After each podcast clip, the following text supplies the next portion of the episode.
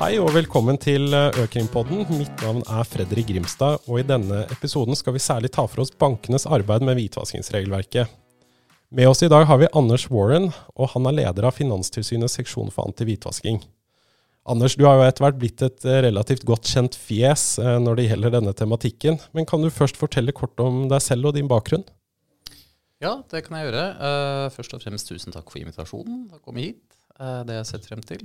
Um, ja, Som du nevner, så er jeg da seksjonssjef i Finanstilsynet. Uh, leder arbeidet med antihvitvasking. Uh, er jurist av bakgrunn. Har jobbet i Finanstilsynet i rundt tre og et halvt år.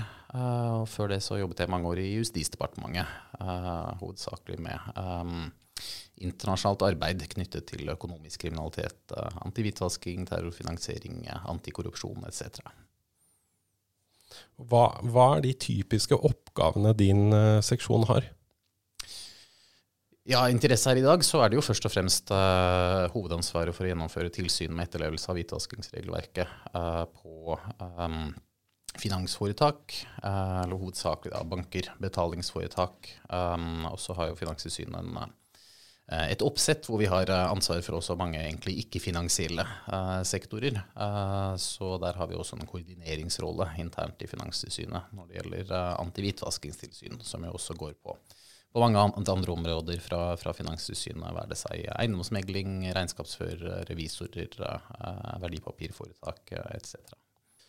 Og siden den nye hvitvaskingsloven trådte i kraft i 2018, så har dere gitt Eh, gebyr på omkring 450 millioner til banker.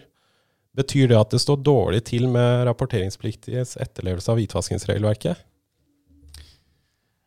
Eh, det er jo et sammensatt bilde. Um, det har vært uh, flere overtredelsesgebyr, som du peker på. Uh, og vi har en risikobasert uh, innretning på tilsynene våre. slik at det er jo ikke sikkert at de bankene vi har besøkt, er representative. I hvert fall ikke fullt ut. Um, vi prioriterer jo for tilsyn de foretakene, de bankene som vi mener det er grunn eller indikasjoner på at har størst utfordringer med, med etterlevelsen. Og det er klart Når vi gir et overtredelsesgebyr, så er det et klart uttrykk for at, eh, at, vi er misfornøyd. Da er det jo snakk om, um, i, i, alle tilfeller egentlig, uh, grove og vedvarende brudd på, på hvitvaskingsregelverket. Um, men uh, vi har jo også mange tilsyn hvor vi er uh, fornøyd. det er jo ikke alltid så lett å lese ut av tilsynsrapportene direkte, for når vi er fornøyd, så kan vi finne på å si det under inspeksjonen, men eh, det er jo ikke noe vi bruker side opp og side ned på å beskrive i rapportene. Der fokuserer vi jo på det som er mangler, det som er forbedringspunkter etc. Men uh, det er ikke slik at det er grunn til å svartmale uh, bankenes etterlevelse totalt sett. Det er flere som lykkes, og, mange som, selv om de kanskje har noen ting de må justere litt på, og noen ting de kunne gjøre bedre, likevel må sies å kunne ha en god etterlevelse. Men det er klart vi har jo erfart over de siste årene at uh, etterlevelsen uh, generelt ikke er der uh, den burde være. At det er for mange foretak som har for store mangler i, i etterlevelsen. Um, og det er jo viktig for oss da i, i fortsettelsen av tilsynsaktiviteten at vi har en, en, stor oppmerksomhet om dette og bruker ressurser på det. Og bidrar til å um, rett og slett heve nivået på etterlevelsen i, i, sektoren. Mm. Og I dette så er det mange banker som har utfordringer med å forstå kravene knyttet til undersøkelse og rapporteringsplikten, og da særlig knyttet til identifisering av mistenkelige forhold. Kan du nevne noen eksempler på mistenkelige forhold som dere mener bankene burde være oppmerksomme på?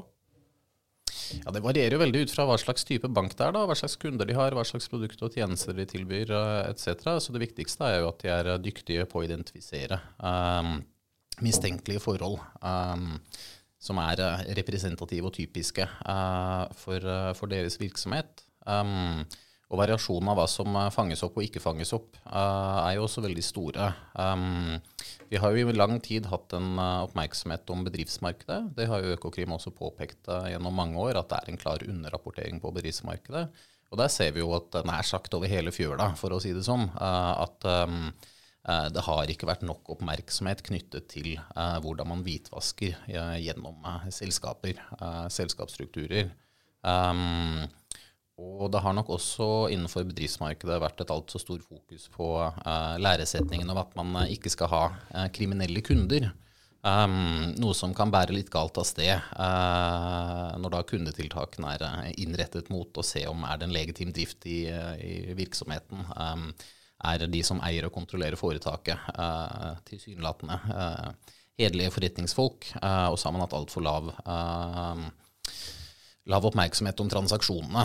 Og det ser vi også når vi har gått inn i noen av disse større laundromat-sakene og sett på berøringspunkter til, til Norge etc. At uh, det er jo en del eksempler på at uh, det har gått opplagt mistenkelige transaksjoner uh, via Norge, via norske banker. Um, det som egentlig er til dels banale og opplagte hvitvaskingsmodus, i hvert fall slik vi ser det i dag, med at um, uh, det kommer store uh, pengeoverføringer fra et annet land enn der uh, bankens kunde, enn den som er kunden til bankens kunde.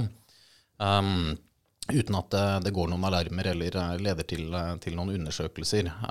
og hvor det er klar, egentlig veldig klare indikasjoner på at bankens kunde har jo ikke egentlig hatt noe forsett eller om å gjøre noe galt, eller kan sies å medvirke til en hvitvaskingshandling. De har bare vært fornøyd med å få oppgjør. Og om det oppgjøret kommer fra det ene eller andre stedet eller det ene eller andre landet, det har ikke de tenkt så mye på. Mm. Men så er det jo da ille når banken ikke har tenkt på det, og ikke har, har fanget opp dette. Og vi ser at her er det en sammenheng til transaksjonsovervåkningssystemene f.eks., som har vært langt mindre treffsikre på bedriftsmarkedet enn på, på privatmarkedet. Så um, Særlig for de litt større bankene og filialene som har uh, en ganske stor kundemasse, uh, som er bedrifter, og til deres større bedrifter og med, um, med, global virksomhet, eller i hvert fall med en del kunder utenlands, så, så er jo det en, um, en type modus operandi og en type hvitvasking som vi ser at det har vært altfor liten oppmerksomhet på, selv når vi ser noen, noen år tilbake i tid. Og så er det liksom den andre enden av skalaen, da, som er den lille sparebanken, eh, som eh, opererer eh, lokalt og har sitt geografiske virkeområde, eh, og ikke har falt for fristelsen å ta inn eh, altfor mange eh, eksotiske kunder fra, fra, andre delen av landet. Og som, eh, som, et riktig utgangspunkt har tenkt at vi kjenner våre kunder, og, um, um, og har lagt inn for liten innsats i å forstå forskjellen på å kjenne sine kunder i form av at de kjenner det personlig, og det at de mm. kjenner deres forretningsvirksomhet eller um, at de er kritiske nok da, når kundene har en atferd som, som, har mistenkelige indikatorer. Og Der ser vi jo til, til vår overraskelse for så vidt for et par år tilbake at uh, fremdeles er det slik at kontanter i en del små sparebanker uh, ikke gir de røde flaggene som det bør. da. Um, det er jo den eldste hvitvaskingsmodusen i boka, holdt jeg på å si. De springer jo gjerne ut fra uh, høy og uforklarlig kontantbruk. Men um, men der har vi faktisk eh, justert litt på tilsynsmetodikken vår, og, uh, og særlig for de mindre sparebankene ser mye mer systematisk på, på, kontantbruk hos kundene, rett og slett fordi vi erfarer at uh, store kontantinnskudd ikke, blir, ikke, blir, undersøkt. og det er til dels snakk om um, kunder, altså privatkunder, som um, har en skattbar inntekt eller ytelser som overhodet ikke står i stil til det de skyter inn av kontanter, eh, eller mindre bedrifter som faktisk har kontantinnskudd som langt overstiger det som er omsetningen deres i Brønnøysund. Og det er klart Når du på, på det nivået, eh, med så opplagte røde flagg, eh, ikke foretar deg noe, så, så, er jo det åpenbart utilfredsstillende. da. Mm. Og så er det selvfølgelig vanskelig uh, for alle. Alle hvitvaskingsmodus midt imellom, holdt jeg på å si, fra det mest sofistikerte til det, eh, det mest banale. Det er, det er, mye å følge med på, og vi har jo også forståelse for at uh, bankene syns det er utfordrende. Uh, og regelverket stiller jo strenge krav til at du ikke bare skal kunne regelverket, men du skal jo også ha kunnskaper om hvordan de kriminelle opererer, hvordan hvitvaskes det. Du skal kunne gjenkjenne indikatorer på, på hvitvasking og terrorfinansiering. Så det gjør jo det at det er, eh, det er jo strengt tatt umulig i dag å drive som rapporteringspliktig uten å ha uh, i hvert fall noe kunnskap om uh, kriminalitetsbildet. Og kravene til den kunnskapen vil jo øke i takt med hva slags, hva slags rapporteringspliktig foretak du driver, og hva slags kunder, produkter, tjenester etc. Som, som, du har. Så det, er, det er, vanskelig, og det er utfordrende. og heldigvis er det en god del som, som lykkes ganske bra. Men Eh, det er fremdeles potensial hos mange, vil jeg si, for en, eh, en bedre etterlevelse. Mm. Noe vi har sett den siste tiden, er at det avvikles flere kundeforhold i dag enn tidligere. Eh, som det står i hvitvaskingslovens paragraf 24, veiledningen og en rekke tilsynsrapporter, så skal banken avvikle et kundeforhold dersom kundetiltak ikke kan gjennomføres. Finanstilsynet har uttalt at det, dere er bekymret for omfanget av avviklingen av kundeforhold, og mener enkelte banker har gått for langt i avviklingen av disse kundeforholdene. Kan du utdype noe mer om hva bankene skal gjøre dersom de ikke f.eks. får tak i kunden, eller om kunden unnlater å svare eller gir informasjon som er motstridende til hva banken selv kan verifisere? Ja, jeg kan gjøre et forsøk, i hvert fall. Uh, dette er en krevende, um, en krevende sfære, for å si det sånn. Og jeg må jo understreke også at vi i Finanstilsynet har stor forståelse for at det er veldig vanskelige avveininger uh, når det gjelder både avvisning og særlig avvikling av kundeforhold. Um, for det er jo slik at uh, For banker så er det jo en kontraheringsplikt, så det er utgangspunktet uh, en plikt i den ene enden til å, uh, å tilby i hvert fall visse tjenester, som innskudd, betalingstjenester. og på den andre siden så er det også en plikt å avvikle når kundetiltakene ikke, ikke lar seg gjennomføre. Um, så ser vi jo at det er fra tilsynspraksis at det er, um, det er mange som finner, uh, finner, denne avveiningen veldig krevende. Og vi finner egentlig eksempler uh, på at det går galt i begge retninger, da, for å si det sånn. Um, vi har jo observert at terskelen i en del banker har vært for høy for å avvikle. At nok de rett og slett f.eks. ikke får svar fra kunden over lang tid. Uh, når de ikke får dokumentasjon som de etterspør, um, så lar de kundeforholdet fortsette altfor lenge, altså uh, årevis til dels. Um, uh, noe som jo åpenbart ikke er, ikke er, tilfredsstillende. Og der hvor det er klart at kunden uh, ikke medvirker til at kundetiltakene lar seg gjennomføre, så da, da, er det jo ingen nåde, for å si det sånn. Da, da må, må, jo kunden, kunden avvikles. Um, og så er det jo forståelig at de som ønsker å ha en lav risikoappetitt når det gjelder hvitvaskingsrisiko, uh, ser på tiltak for å, uh, å, minimere risikoen. Og da er det jo uh, langt på vei en logikk i å si at det er visse kunder som har en så høy iboende risiko at, at de ikke ønsker dem som kunder. Uh, og det er da vi blir bekymret uh, mer fra hva skal vi si, et forbrukervernperspektiv og, og for, for, en uriktig anvendelse av regelverket. Um, for risikoen skal jo håndteres, den skal jo ikke avvises. Og det vi ser på som eksempler som, som vi syns er bekymringsverdige, er jo personer som av eh, ulike grunner ikke har pass, f.eks., men som har en form for eh, identifikasjon som vi etter vårt rundskriv godkjenner uh, som gyldig ID, men som likevel avvises. Um, og får forklaringen at det er hvitvaskingsregelverket som, som, er årsaken til det. Um, likeledes gjelder det en del PEPS, uh, politisk eksponerte personer. Um, vi får, får, en del henvendelser fra diplomater, ambassader etc. I, i Oslo som syns uh, synes dette er veldig vanskelig. At de rett og slett sliter med å få en bankforbindelse til seg selv, sin familie, uh, til ambassaden som sådan. Uh, eller at det er, um, stilles krav som ikke egentlig direkte kan utledes fra, fra regelverket, og hvor det synes um, det er i hvert fall indikasjoner da, på at det kanskje ikke er en, en fullt ut riktig regelverksetterlevelse som ligger til grunn for, for en mm. Um, og så er det jo mye samfunnsønskelig virksomhet uh, som er vanskeliggjort. Uh, F.eks. veldedige organisasjoner som uh, har operasjoner i diverse konfliktsoner i utlandet, og, og, som kanskje Særlig de som da har gode kontrollrutiner eh, og, eh, og, har internkontroll, har god kontroll på hvem som er donorene sine, eh, og har også kontrollmekanismer eh, på bakken der hvor de opererer eh, ved, og utøver sin veldedige virksomhet, at eh, risikoen anses rett og slett for høy til at, at de får, får banktjenester. Um, og betalingsforetakene som driver utenlands, uh, utenlandstransaksjoner, uh, som jo for all del er en, en høyrisikosektor for, uh, for, hvitvasking og terrorfinansiering, og som jo er en foretakstype som, som vi har stor oppmerksomhet om. Men um, der ser vi jo at pengene går nå som kontanttransport over Gardermoen, som jo på ingen måte reduserer hvitvaskingsrisikoen, får man si.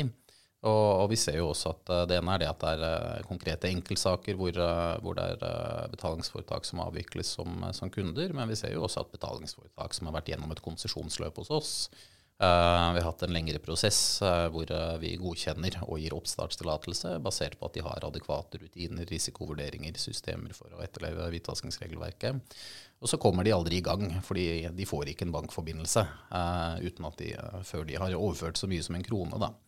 Um, og alt dette er jo også uh, erfaringer som vi ser at gjøres av, uh, av andre finanstilsyn i, uh, i, andre land, land, i Europa. Og det har jo vært over tid, får man si, mye diskusjon globalt og på europeisk nivå om hvordan vi skal møte denne utfordringen. Um, så um, vi finner noe riktig å, å, ta det opp og se om vi kan bidra til å, uh, å adressere denne, denne, problemstillingen, men igjen uh, fullt ut vitende om at dette er vanskelig for bankene og, og en krevende balansegang. Mm. Og da må jo også bankene være klar over at um, også noen av de kundeforholdene som avvikles Det er jo ikke sånn at den kunden forsvinner fra det norske markedet. Denne kunden vil jo da eventuelt søke om kundeforhold i en annen bank. Er det noe særlig risiko knyttet til det bankene bør være oppmerksom på? Ja, Risikoen er jo først og fremst kanskje for de som, eh, som offboardes, holdt jeg på å si. Um, når du blir avvist i en bank, så blir det ikke noe lettere å få et kundeforhold i den neste nødvendigvis. Um, på visse andre risikotyper så kan man jo se noen tendenser til at det fins um, det finnes banker eller forsikringsforetak som, vil, som, gjerne vil ta de kundene som ingen andre vil ha. Uh, altså at det er en del av forretningsmodellen å, å plukke opp de som uh, f.eks. Uh, har indikasjoner på å være dårlige betalere eller noe sånt. Noe. Jeg har ikke observert at det er noen banker som vil spesialisere seg i å ta, uh, ta alle kundene med høy hvitvaskingsrisiko. Så um, resultatet blir jo rett og slett finansiell ekskludering, da. Og det, um, det kan jo i mange tilfeller være, være uheldig. samtidig som altså dette, dette er jo resultatet av regelverket også vi får jo håpe og tro at de fleste kunder, eller i hvert fall mange av de som avvises, uh, avvises uh, basert på en riktig regelverksanvendelse og på en, på en, korrekt måte. men for de som blir ofre for en, en risikoappetitt som ikke er helt i tråd med regelverket, så, så er det åpenbart dramatisk og har, har store og, og uønskede konsekvenser. Anders, tusen takk for at du kom til Økrimpodden og delte deres erfaringer. Aquaman.